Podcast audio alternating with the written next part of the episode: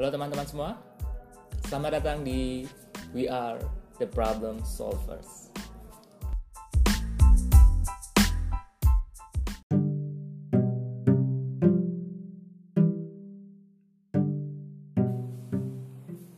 Ya di samping saya sudah ada bintang tamu pada episode ini, episode kedua. Eh, beliau adalah apa nih yang disebutnya ya? Apa teh? Ah itu teteh. Oh, sebenarnya.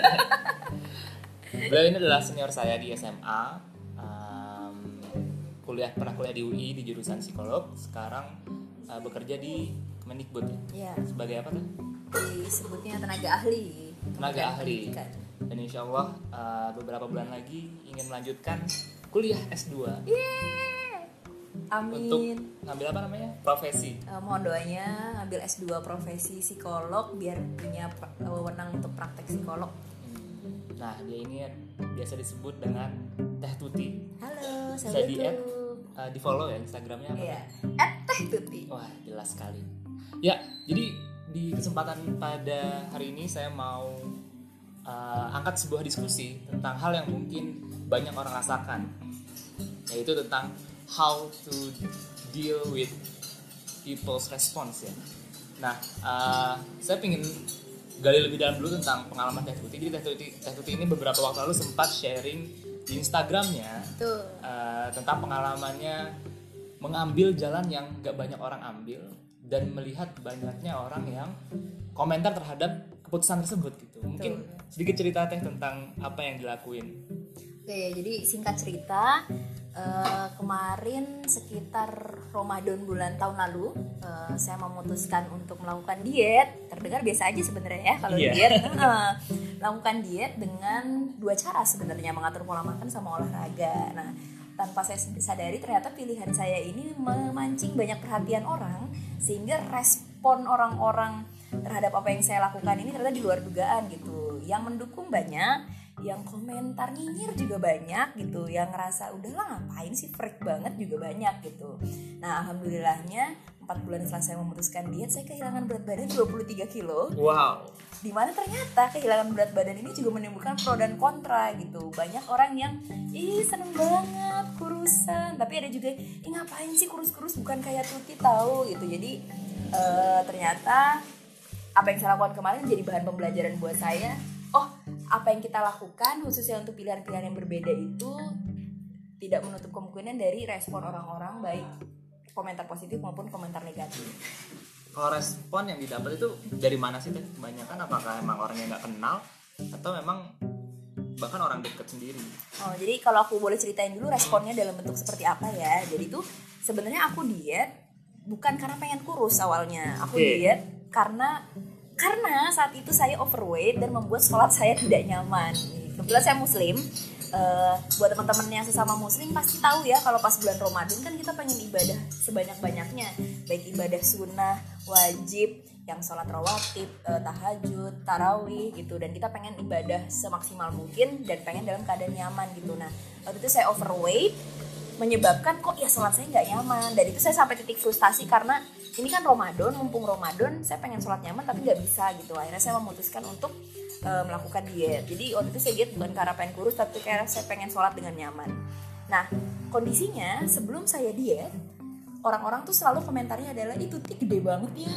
Besar banget badannya bulat banget. Ih, lu subur banget ya tuh gitu jujur saya waktu pas dibilang kayak gitu saya agak nggak peduli gitu. Karena kabar baiknya saya tumbuh di lingkungan yang mengapresiasi saya, mengapresiasi saya bukan berdasarkan penampilan fisik gitu. Tetapi karena atas karya atas apa yang saya lakukan. Jadi ketika saya dibilang kayak gitu sebenarnya saya nggak begitu penga- ber- berpengaruh gitu.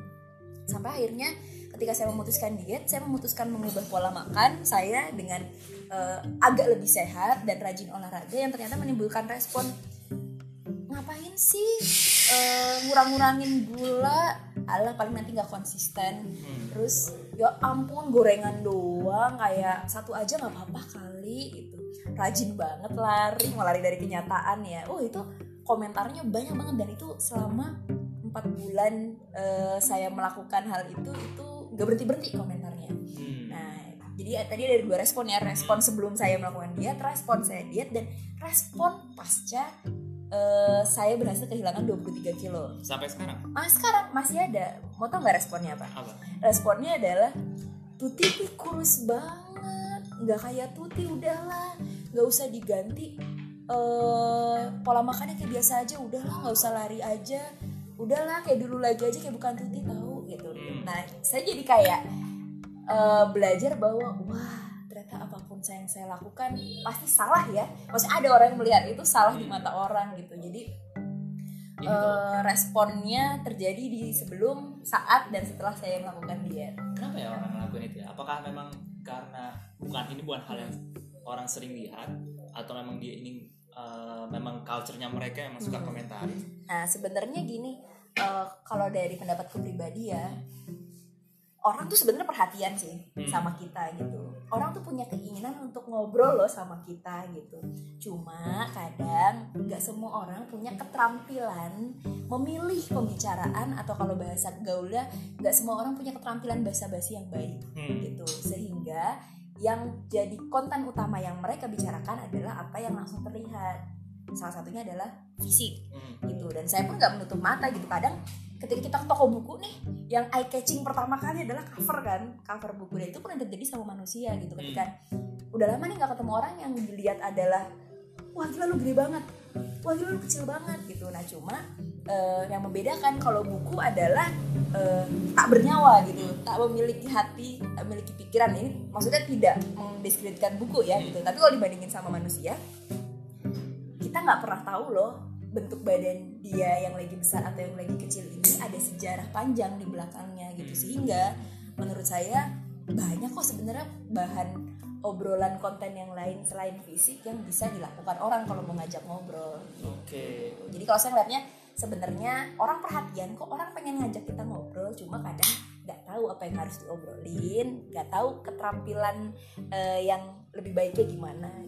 Tapi di mana titik eh, boleh nggak bolehnya sih teh? Ini kalau ini tuh nggak boleh nih kalau ngomongin ini, ini tuh boleh gitu. Apa memang em, ya kita pokoknya kalau itu masalah fisik 100% kita nggak boleh komentar apa-apa. Oh sebenarnya gini, pemahaman kita balik lagi ke definisinya dulu masalah fisik tadi body shaming ya. Body, body shaming itu eh, teman-teman bisa lihat di Google, cuma secara sederhananya adalah mengkritik diri sendiri ataupun orang lain yang terkait dengan penampilan fisik Hmm. gitu. Oh, termasuk ke diri sendiri. Yes, banyak loh tanpa sadar orang tuh melakukan body shaming ke diri sendiri. Dia ngeliat ke kaca, ini lemak di lengan nggak hilang-hilang, ini lemak di betis nggak hilang-hilang, jelek banget body shaming loh ke diri Oh, sendiri. Jadi konteksnya tidak hanya ke orang lain gitu. Perkara boleh nggak boleh di sini buat saya bukan masalah nggak boleh nggak boleh. Saya mau ngajak teman-teman eh, memahami sesuatu. Hmm. Eh, kondisi fisik seorang seseorang itu erat kaitannya ada sejarah panjang di belakangnya Hmm. gitu teman-teman pernah dengar yang namanya hipotiroid atau hipertiroid nggak ya jadi itu adalah salah satu kondisi kondisi badan yang gangguan hormon di mana ada orang yang kamu mau makan sebanyak apa pun karena hormonnya terganggu dia nggak gemuk-gemuk Hmm. Begitu juga sebaliknya. Kamu mau makan cuma sedikit satu s- ini, ekstrimnya ya. Kamu cuma makan dua biji biskuit kamu bisa langsung gendut karena hormonnya terganggu itu ada gitu. Nah sehingga eh, fisik orang itu sejarah panjang di belakangnya itu ada. Itu dari masalah gangguan hormon. Ada lagi kalau teman-teman pernah dengar anoreksia bulimia binge eating itu tuh akar masalah orang bisa makan banyak banget atau orang sampai nggak mau makan karena takut kurus? Karena masalah psikis. Hmm. masalah psikis tuh pengaruhnya ba- pengaruhnya banyak. Entah dia punya trauma di masa kecil entah dia dibully oleh orang sekitarnya entah dia punya masalah keluarga dan cara mengurangi kecemasannya adalah dengan makan. Kita nggak pernah tahu. Hmm. Nah, dengan tadi poinnya adalah kita nggak pernah tahu loh kondisi fisik seorang itu di belakangnya ada sejarah apa. Akan menjadi lebih baik loh kalau yuk kalau mau ngajak ngobrol dibahas hal yang lain. Hmm. itu bukan masalah fisik. Kayak misalnya kamu habis sakit. Hmm. eh kamu habis sakit hati habis diputusin pacarnya kamu makan banyak. Hmm. terus kamu bilang ih gendut banget habis ngapain aja lo ketika dia dibilang gendut yang dia pikirin oh kemarin saya habis makan banyak karena saya stres habis diputusin pacar dan itu membuat dia makin stres lagi gitu sih maksudku. Jadi ketika orang mengkritik orang lain dan langsung sasarnya adalah masalah fisik kamu nggak pernah tahu omongan kamu itu bisa memicu dia ingat sakit hati yang mana ingat pengalaman tidak menyenangkan yang mana atau sejarah-sejarah yang ya dia juga nggak punya kewajiban untuk cerita ke kamu tentang semua itu. Banyak kata ya yang ngelakuin body shaming ini. Dirasa yang tadi dirasain atau Eh, ada kasus teman-teman nggak? kalau boleh jujur nih se- yang tadi saya bilang sebelum saya mengalami ini saya tuh nggak terlalu peduli ya sama hal-hal itu. Karena tadi my body not define me gitu. Gitu. Tapi karyaku apa yang aku lakukan untuk banyak orang itu yang mendefinisikan aku. Nah cuma karena proses ini aku ngerasa intens banget orang ngomentarin badanku. Kayak ih Tuti tiap hari kok kurusan ya kok nggak segendut kemarin ya? Iya Tuti kalau dulu mah jalannya engap bulat gitu. Nah aku kayak wow ternyata segitu intensnya ya masalah fisik ini. Aku jadi menyadari terbuka lah pikiranku oh yang kemarin aku alami itu body shaming loh itu pertama.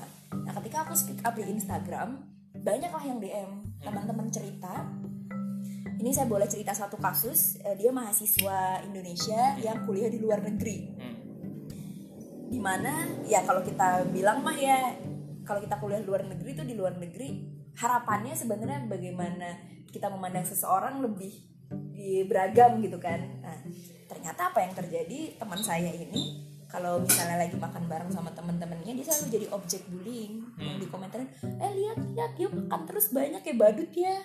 Oh gede banget ya badannya. Iya ngemil aja lu terus gitu. Dan itu kayak bayangin dia kuliah di sana orang Indonesia sendiri dan oleh teman-teman internasionalnya selalu diperlakukan seperti itu. Jadi dia makan dikit tuh dikomentarin dibilang badut. Pokoknya dia selalu jadi objek bulan-bulanan di depan banyak orang bahkan di depan stranger. Gitu. Dan itu satu cerita yang saya temukan dan tahu nggak yang tanpa disadari sebenarnya body body shaming ini banyak dilakukan oleh orang-orang terdekat dengan alasan bercanda. Oh, oke. Dengan alasan bercanda dan dengan alasan ala lu udah dekat sama gue gitu. Masa lu nggak ngerti gue lagi bercanda? Gitu loh. Hmm. karena kalau kalau kalau teman-teman pernah dengar orang yang paling bisa menyakiti kita adalah orang yang menyayangi kita. Eh keren ya tuh kalimatnya? Begitu juga begitu juga terjadi di body shaming. Maksudnya apa kadang kita kalau digituin sama orang stranger kita bodo amat Hmm. gitu tapi ketika itu diomongin sama orang yang kita kira kita anggap dia ngerti kita loh gitu itu pun yang terjadi di saya gitu jadi orang mau ngomong apa bodo amat tapi ketika ibu saya sendiri yang ngomong bahwa kamu tuh badan gede banget nanti nggak akan dapet jodoh Hmm. nggak akan pernah punya pacar Wah, itu nanti masuk banget ya. gede- ah, karena ibu sendiri yang ngomong gitu Iya. dan kalau saya menyikapinya oh ibu kok sayang sebenarnya cuma memang cara mengekspresikannya mungkin kurang nyaman di saya Hmm. gitu gitu jadi kayak ugly truthnya adalah bahkan body shaming itu dilakukan oleh orang-orang terdekat sendiri Hmm. Oke, let's move on ke solusi nih, Teh. Bukan solusi sih, sebenarnya gimana kita nge- respon terhadap respon orang kayak gitu gitu. Orang-orang ngelakuin body shaming, kalau kita yang ngerasain itu kita harus bersikap apa sih? Oke. Eh, mungkin ini terdengar agak teoritis tapi it works di saya dan it works di banyak orang. Eh, teman-teman pernah dengar yang kayak namanya istilah emotional intelligence. Eh, kalau sering mendengar ESQ kan, ya? eh bukan, Oh, bukan, beda. beda. Eh, kalau ngedengar kan biasanya kita dengarnya IQ ya. Hmm. Nah ini IQ eh, kecerdasan emosional kaitannya apa? Jadi definisi si emotional intelligence ini adalah kemampuan kita aware sama aware dan manage eh, emosi kita sendiri dan aware dan bisa memanage emosi orang lain gitu. Hubungannya apa sih sama si urusan body shaming ini? Jadi dina- dinamikanya gini. Kalau kita understand atau aware sama emosi kita, kita bisa lebih mudah untuk memanage emosi kita. Nah, kalau kita sudah bisa memanage emosi kita, itu akan meningkatkan kemampuan dan kapabilitas kita untuk mengerti emosi orang lain. Gitu. Sehingga kalau kita udah ngerti emosi orang lain, intensinya apa, motivasinya apa, kita bisa berespon lebih tepat dengan apa yang mereka katakan dan berinteraksi dengan lebih efektif. Gitu. Aku kasih contoh ya, ini kayaknya nih. agak jelek banget gitu ya Kompleks sekali, kompleks sekali jadi gini eh, contoh ketika aku diet ada orang-orang yang emang nanya karena dia penasaran. Tuh kamu kenapa jadi rajin lari? Sama orang yang emang mau ngatain aja. Hmm. ngapain sih lari-lari kayak gila mau lari dari kenyataan ya segala macam. Nah di sini poinnya yang tadi dulu aware sama manage emosi diri sendiri dulu. Hmm. nih ketika aku dibilang lari terus mau lari dari kenyataan ya Hmm. itu di situ aku berusaha untuk memahami ketika aku dibilang kayak gitu sebenarnya aku ngerasain apa sih? Oh aku sedih loh digituin gitu. Aku ngaku sama diriku sendiri oh aku sedih. Bukan yang ah nggak kok biasa aja buat aku. Padahal dalam hati gitu. Nah aku berusaha untuk aware dan manage oh aku sedih kok. Oh ya udah. Gitu. Nah ketika aku kalau teman-teman kadang nanti coba deh latihan. Ketika teman-teman marah coba akuin teman-teman marah. Kalau teman-teman sedih coba akuin kalau teman-teman sedih gitu. Itu akan Jujur membuat terhadap diri sendiri ya. yes. Itu akan membuat teman-teman lebih ringan nah ketika kondisinya udah ringan nih. Kasarnya kita udah selesai dengan emosi kita sendiri kita jadi yang tadinya perhatiannya ke diri sendiri udah bisa lebih aware ke perhatian ke orang lain. Termasuk nih emosi orang lain intensinya dia ngomong ini mau ngapain sih? Hmm. nah karena saya ngerasa oh iya dong aku sedih loh kemarin digituin gitu. Tapi udah plong aja selesai. Karena aku udah ngaku aku sedih gitu. Nah ketika ada orang yang ngomong cie lari aja sama yang tut kamu lari mau ngapain? Aku jadi bisa paham orang yang nanya tut kamu lari emang buat apa? adalah orang yang bener-bener mau diskusi. Hmm. dia pengen tahu loh dia penasaran loh gitu. Akhirnya saya mencoba respon yang eh, appropriate untuk mem- eh, merespon dia. Hmm. dan interaksi yang efektif yang saya lakukan adalah ya saya jelaskan gitu. Karena karena dia penasaran karena dia pengen tahu iya nih kemarin aku habis baca kalau dia tuh salah satunya harga matinya harus olahraga gitu. Kalau nggak olahraga pernah nggak ngelihat orang kurus sih tapi klemer-klemer gitu lemaknya nggak seger? Nah itu salah satunya karena dia nggak olahraga. Aku rutin eh, dengan tujuan biar eh, nanti berat badanku turun tapi tetap segar Hmm. dan benar dia yang nanya itu ketika aku ngejelasin dia terbuka oh gitu ya tut. Eh itu lu baca buku di mana? Mau dong bukunya. Oke. jadinya interaksinya efektif ya Hmm. gitu. Nah yang satu ini nih nah ketika Allah lari segala macam karena aku sudah selesai dengan emosiku dan aku bisa memanage aku jadi cukup aware ini orang intensinya ngapain ya? Oh dia mau ngapain doang? Kalau mau aku jawab dengan jawaban kayak tadi sebelumnya nggak cocok. Hmm. karena mau aku jelasin kayak apa pun dia tidak akan menerima karena dia di kepalanya udah punya skema emang pengen ngapain situ dia aja lari dari kenyataan Hmm. gitu akhirnya apa yang aku lakukan ketika digituin sama orang nyengir aja Minggir aja. Heeh. karena menurut aku respon paling efektif saat itu adalah nggak usah direspon karena niat dia bukan untuk ingin tahu gitu niat dia hanya untuk eh, ngatain aku aja karena aku lagi rajin lari gitu. itu sih jadi eh, pertanyaan gimana responnya kenali emosi sendiri manage emosi sendiri itu akan memudahkan kita untuk mengenali emosi orang lain dan berespon dengan efektif atas Oke. respon Berarti pertama adalah ya tadi aware dulu terhadap emosi sendiri, Mm-mm. terus berusaha setelah aware itu mengelola mengelola emosinya. Mm-mm. Selanjutnya adalah merespon dengan sesuai dengan uh, konteks atau uh, niat dari orang tersebut sebenarnya. Kalau habis pengelola itu memudahkan kita untuk understand atau Hmm. memahami emosi orang lain dulu jadi dipahami dulu emosinya intensinya niatnya apa nah itu baru kita jadi bisa memetakan respon apa sih yang efektif kita berikan kepada orang itu Tapi ini kan butuh latihan kayaknya. Yes, susah betul, banget. betul. Apalagi kalau ini terjadi dengan sangat cepat. Betul, Maksudnya kita kan saat menerima body shaming itu kita harus langsung respon kan. Hmm. Nah karena kita nggak sempet aware dulu nih. Hmm. Nah itu apa kita baiknya langsung pergi dulu aja, coba uh, hindarin dulu di aware dulu, kasih waktu spend waktu untuk aware dulu atau apa kira-kira? Eh, tadi setuju ini tuh harus latihan Hmm. gitu nggak bisa yang tadi saya habis cerita langsung dipraktekin langsung jago Langsung enggak jago, ini ah. saya latihan juga bertahun-tahun gitu bisa berespon seperti ini jadi ketika teman-teman curhat teh susah. Aku tuh nanggepin orang-orang wajar gitu. Aku pun latihannya bertahun-tahun. Hmm. nah kalau tadi tapi kan ya kita nggak bisa secepat itu gitu. Dia ngatainnya cepet kita nggak secepat itu untuk bisa berespon mikir dulu Hmm. ngelola dulu segala macam. Intinya adalah usaha dulu sebisa mungkin melakukan hal tadi tapi apa pun yang kamu lakukan jangan melak- ngambil keputusan dalam keadaan kamu sangat emosi. Maksudnya apa? Ketika kamu rasa kamu sebel banget sama orang ini jangan langsung reaktif. Hmm. gitu. It's okay kok kamu diam aja. Gitu. Pernah dengar nggak istilah jangan membuat janji ketika terlalu senang jangan ngambil keputusan ketika lagi terlalu sedih. Hmm. itu karena benar fungsi kerja otak gitu. Karena kita nggak akan bisa menimbang yang rugi dan yang untung atau ketika apa namanya positif negatifnya ketika emosinya lagi membludak gitu nah at least ngecek deh ketika kamu di body shaming kamu lagi marah banget nggak gitu kalau emang lagi marah banget lagi kesel banget it's okay kok kalau diem aja gitu Hmm. daripada langsung ngambil keputusan reaktif yang jangan-jangan gak cuma ngerugin dia nanti ngerugin kamu sendiri gitu Oke. Ini kan kalau melihatnya eh, respon di saat itu ya. Mm-mm. Tapi kalau misalkan banyak yang oh udah eh, terima aja terus eh, eh, pura-pura eh, apa ya oke-oke aja pura-pura ini bercanda aja tapi pas pulang ke rumah terus dia ternyata sangat sedih kepikiran sama kata-kata tadi. Nah ini kira-kira orang kayak gini baiknya gimana?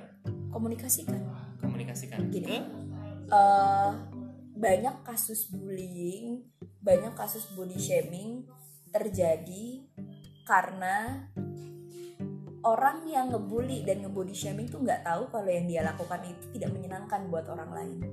hmm, Diperparah dengan si korbannya nggak mau ngomong kalau itu tidak menyenangkan gitu. hmm, Jadi ketika misalnya dia bilang, "Hal lu kurus banget kayak Lidi, kayak tengkorak gitu." aduh.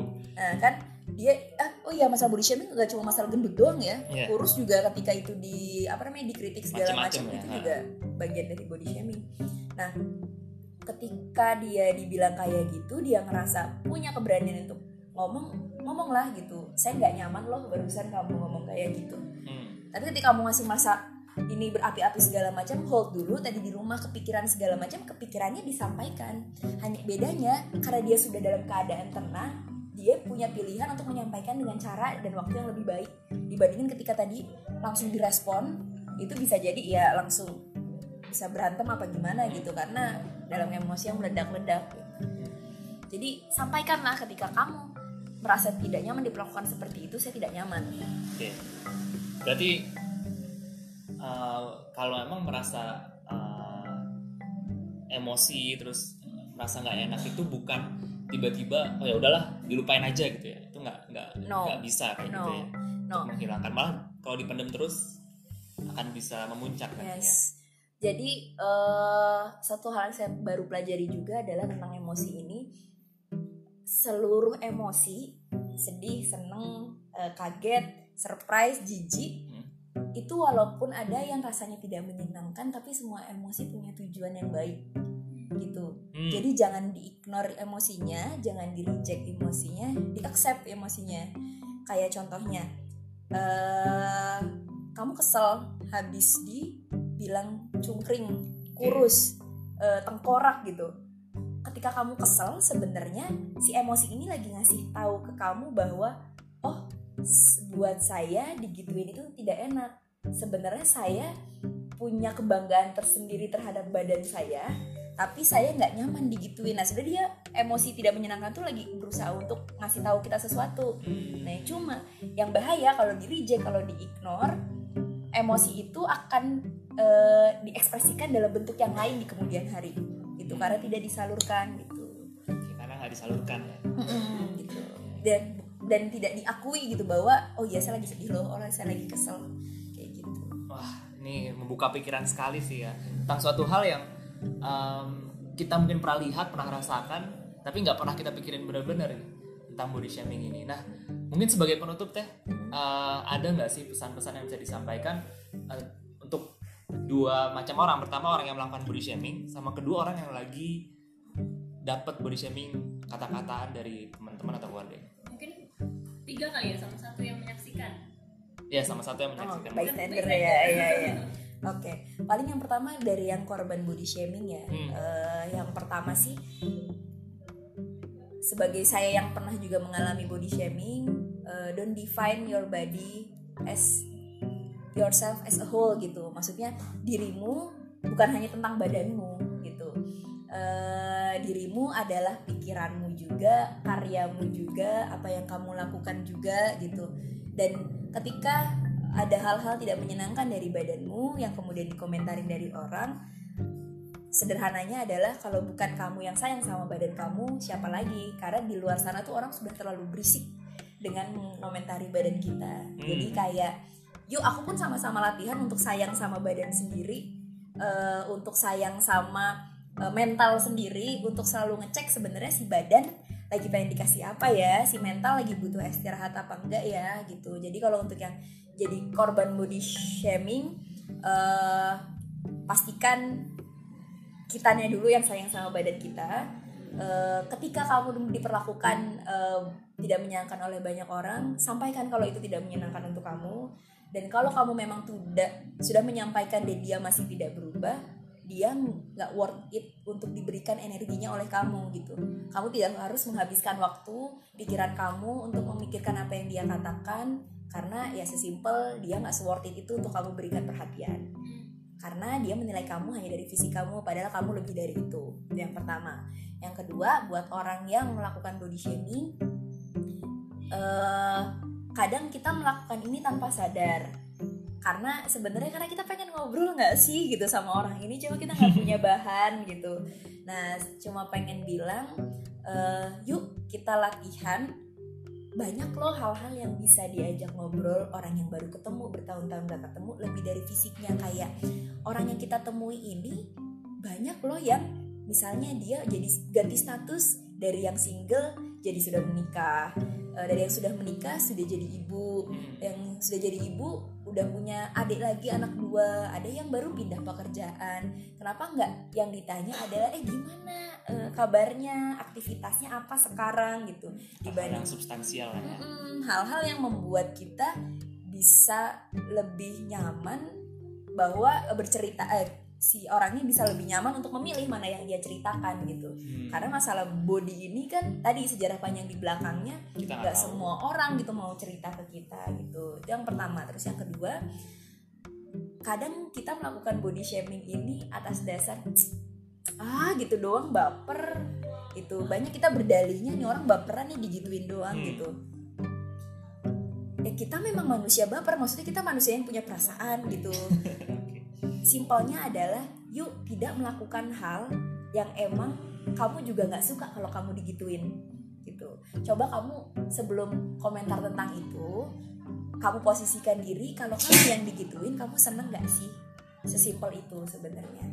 Nah yang ketiga yang bystander yang ketika menyaksikan eh, ada kok banyak kondisi di mana misalnya kita tahu itu nggak bener dia digituin tapi kita juga nggak punya keberanian at least jangan memperburuk keadaan gitu. Kayak misalnya nih kita lagi satu geng lagi makan bareng teman kita ngebully ya lu badut banget ya kayak gajah gendut banget segala macem. Kalau kamu nggak punya keberanian untuk ya nggak gitu kali itu eh, masa disamain sama gajah ya kamu jangan nambah nambahin dengan eh, Ah, hal yang lain ya diam saja atau sampaikanlah feedback kepada teman kamu yang ngatain teman kamu yang lainnya itu secara personal gitu. Karena eh kalau teman-teman pernah dengar kalau mau apresiasi orang cobalah apresiasi di depan umum. Tapi kalau mau ngasih feedback kasihlah feedback secara personal. Coba kamu bayangin kalau kamu di feedback kamu mau nggak dijelek-jelekin di depan umum gitu. Jadi kalau buat teman-teman yang ngelihat temannya di body shamingin kalau nggak bisa ngebelain temennya ya udah nggak usah nambah-nambahin. Dan kalau teman-teman ngerasa punya cukup energi dan punya keberanian coba dikasih feedback temennya secara personal. Gitu itu juga bisa mensupport korbannya juga ya. Bisa. Setelah uh, body shaming kelakuan itu. Atau sesederhana ketika itu terjadi kamu bisa ngedeketin orangnya kamu perasaannya gimana? Tanya. Kalau ternyata itu it's fine buat dia ya udah nggak apa-apa. Tapi kalau ternyata dibuat dia nggak menyenangkan dia akan cerita dan menanyakan kabar kamu gimana tadi digituin itu tuh cukup berharga juga buat orang Oke. Oke teh, Eh, menarik banget pembahasannya, bermanfaat banget sih buat saya, buat eh, yang ngedengerin pastinya. Em, sedikit tambahan teh Tuti ini nulis ya teh ya di Instagramnya ya panjang. Tentang apa tuh teh? panjang. Jadi saya saya tuh nggak ngasih judul ya karena saya bingung ini mau dijudulinnya apa. Saya bikin 15 series, Hmm. semuanya ada di highlight. Intinya perjalanan diet saya yang kehilangan minus 23 kilo yang harapannya eh, kalau ada teman-teman yang mau mengikhtiarkan hal yang sama untuk hidup lebih sehat, tulisan saya bisa sedikit membantu. Atau ketika teman-teman yang lagi mengalami kesulitan yang sama seperti yang saya rasakan untuk ngasih lihat kalau teman-teman nggak sendirian kok. Oke. itu bisa dilihat di Eh, Instagram lagi. @tehtuti di bagian highlightnya ada tagar 1 sampai tagar 15 tulisannya ada di sana semua. Oke, itu aja ya Teh ya. Makasih banyak atas Sama-sama. waktunya. Semoga Kita tutup bermanfaat. podcast kali ini. Terima kasih. Sampai ketemu lagi. Sampai ketemu lagi di pertemuan selanjutnya. See you next time.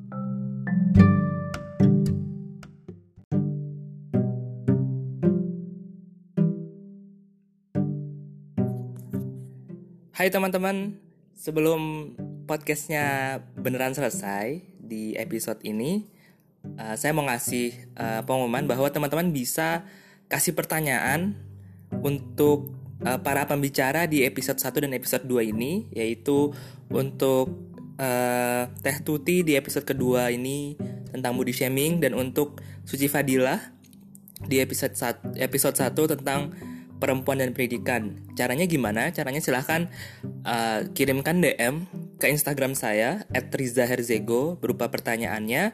Nanti akan saya jawab, akan saya berikan pertanyaannya ke para pembicara dan akan dijawab di episode selanjutnya, yaitu di episode ketiga. Insya Allah sih uh, minggu depan. Jadi silahkan bagi yang ingin bertanya, uh, kirimkan pertanyaan via Instagram @rizaherzego. Uh, terima kasih sudah mendengarkan. See you next time. Assalamualaikum warahmatullahi wabarakatuh.